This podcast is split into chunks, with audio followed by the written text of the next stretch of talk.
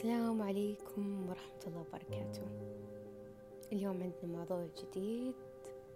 خلونا نبلش.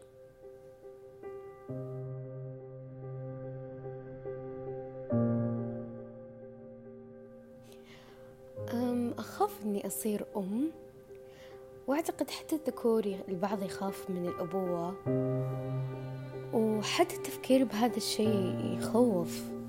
أخاف أعتقد أني أمارس الأمومة بس جالسة أني أظلم عيالي وأعقدهم.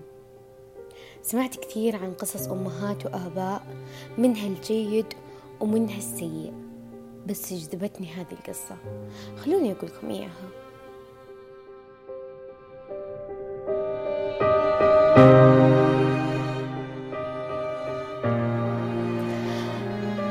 هذه القصة عن بنت اسمها ليلى.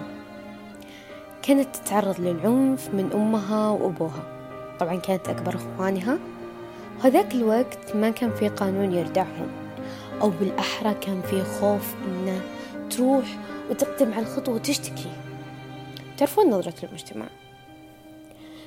تقول ليلى كل يوم كانت تنضرب من كان عمرها سبع سنوات والأسباب كلها مبهمة ما في أي سبب واقعي. ما في أي سبب منطقي ما في أي سبب يخلي الأم والأب هذولي يمارسون العنف على بنتهم حتى لو كان في سبب ما يبرر. تقول ليلى من طفولتي لين سن المراهقة كنت أحاول إني أتقرب من أمي وأكسب رضاها وأبر فيها وأتجنب الأذى في كل موقف معها. بس كل اللي كانت تسويه كان بدون أي فائدة. نظرتها لنفسها كانت سوداوية. لأنها كانت تفكر أن الخطأ منها في الأساس. وكانت مذنبة العاقة ال... كثير من الأفكار. هذه نتيجة التلاعب النفسي من طرف أمها على حسب ذكرها. لما وصلت ليلى عمر 18 أو لما وصلت سن الجامعة قررت تعالج نفسها. بدأت نفسيتها تدمرت دمار شامل. ما عاد في كينونة في داخلها ما عاد في سبب للعيش بدأت أنها تعرضت للعنف من أقرب ناسها أمها وأبوها اللي المفروض تحس بأمان معهم كانت هم الأشخاص اللي يأذونها نفسيا. مرت الأيام وليلى تتعب أكثر وأكثر وأكثر. أخوانها وأخواتها ما كانوا يفهمون الضرب اللي كانت تتعرض له. والجهد النفسي والعصبي اللي كانت تمر فيه. قررت في يوم أنها تروح المكتبة وتقرأ كتب عن العنف تقرأ كتب عن النفسية وكيف تعدل نفسيتها كيف ترجع كيانها. تقرأ كتب عن التأمل تقرأ كتب كثيرة عشان تستعيد نفسها تستعيد تستعيد روحها اللي فقدتها. تقول إنها سوت اختبار الصحة النفسية وعالجت نفسها وباشرت مع دكتور نفسي. إلى أن ظهرت لائحة عقوبات العنف الأسري وفي اليوم الدولي للقضاء على العنف ضد المرأة سألوها وش اللي يساعدك تبدين حياة جديدة؟ بالذات أنه وصلتي إلى هذه المرحلة من الانهيار الجهدي والنفسي والعصبي وكل شيء؟ جاوبت انهياري النفسي كان اللحظة الفاصلة بين أنا القديمة وأنا الجديدة. لما فقدت كل طاقتي واتخذت واتخذت قرارات حاسمة عشان أنفصل عن هذه العائلة اللي هي عائلتي وأتخلص من كل علاقة مؤذية. حتى لو كان يحدد هذا حياتي وحقوقي أنا الاجتماعية لأن ما كان في قيمة لبرها وطاعتها لأن كانوا يعتدون عليها يعتدون على كيانها. أي هذا هذا لبس شياطين أي شياطين الله يهديك يا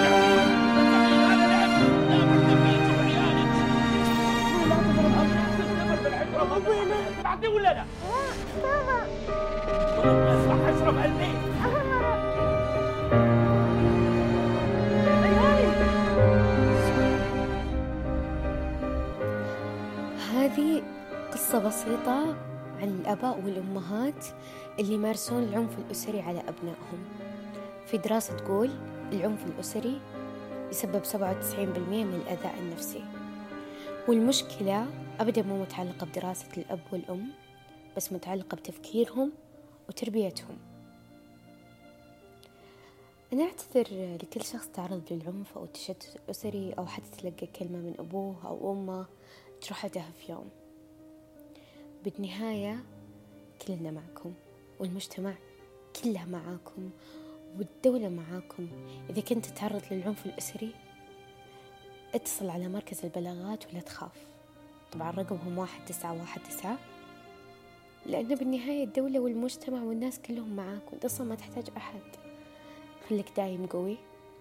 وأتمنى من كل قلبي إن ربي يبدل حياتك للأفضل وأكيد ربي ما حطك بهالمكان لأنك لأنه داري إنه بالنهاية هذا الشخص يستطيع.